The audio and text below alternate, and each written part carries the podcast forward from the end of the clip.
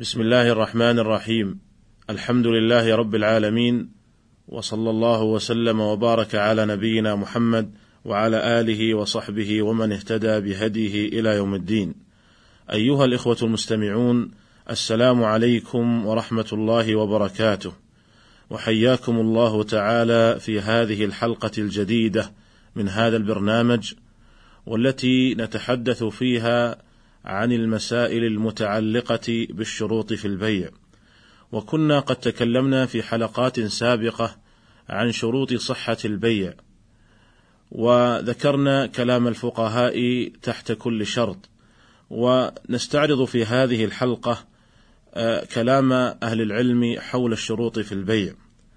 وقبل أن نبدأ في ذلك يحسن بنا أن نفرق بين الشروط في البيع وشروط البيع. فالشروط في البيع هي إلزام أحد المتعاقدين الآخر بسبب العقد ما له فيه منفعة، كأن يبيع رجل بيتا ويشترط على البائع ويشترط البائع على المشتري سكن هذا البيت لمدة سنة مثلا. وأما شروط البيع فقد سبق الكلام عنها، وسبق القول بأنها ما يشترط لصحة البيع، بحيث إذا فقد شرط واحد منها لم يصح البيع كشرط التراضي بين المتعاقدين وأن يكون المبيع مملوكا للبائع وقت العقد ومقدورا على تسليمه إلى غير ذلك من بقية الشروط التي سبق الكلام عنها بالتفصيل.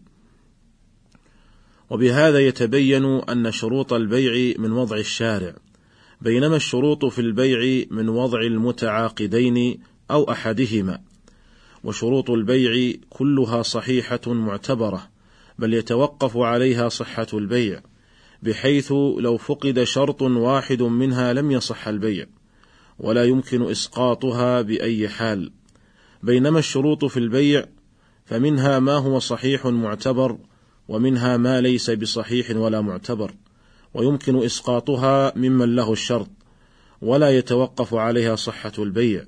فالبيع صحيح بدونها ولكنها إذا وجدت توقف عليها لزوم البيع أي أن البيع يكون صحيحا لكنه ليس بلازم في حق من شرطها إذا لم يوف له بها. والمعتبر من الشروط في البيع هو ما كان في صلب العقد. أما ما كان بعد العقد وبعد انقضاء زمن خيار المجلس وخيار الشرط فلا يعتبر مطلقا.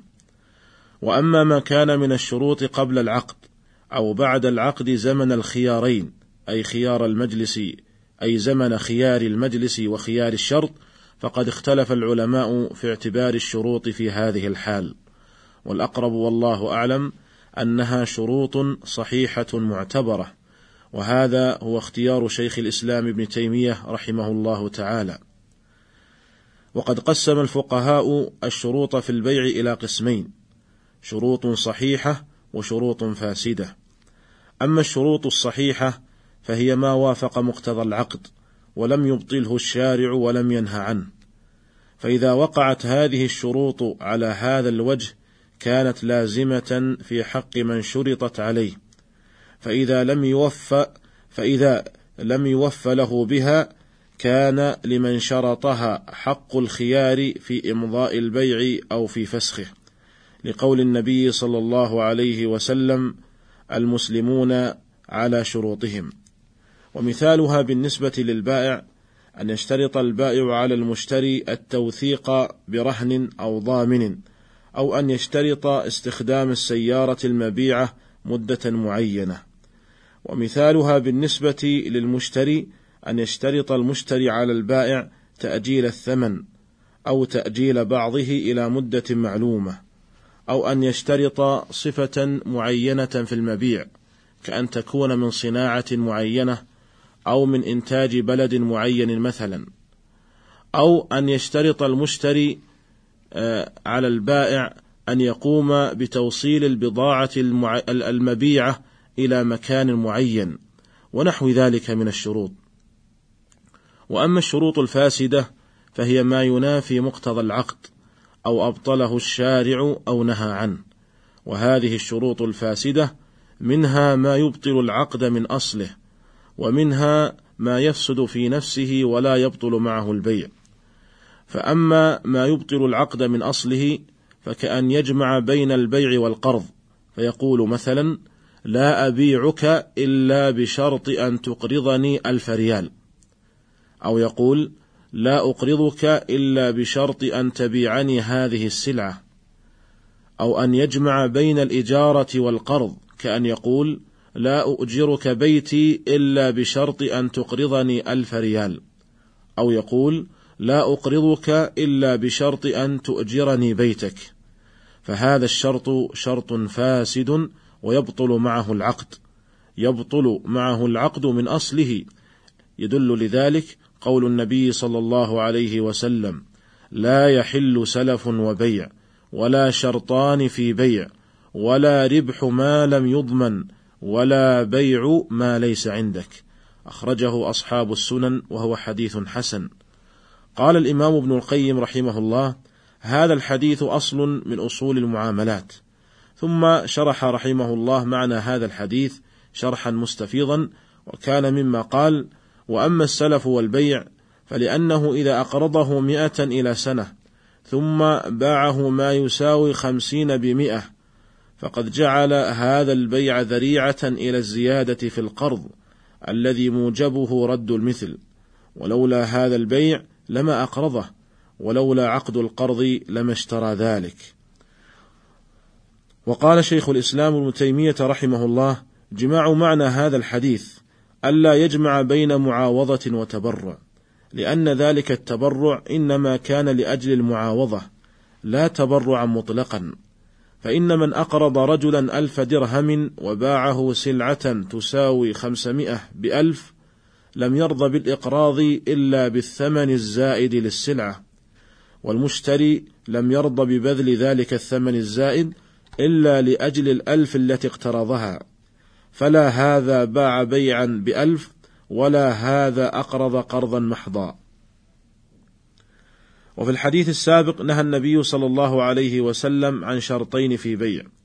ففهم من فهم من الفقهاء عدم جواز الجمع بين شرطين فأكثر في البيع. فلو جمع بين حمل الحطب وتكسيره مثلا لم يصح ذلك عندهم.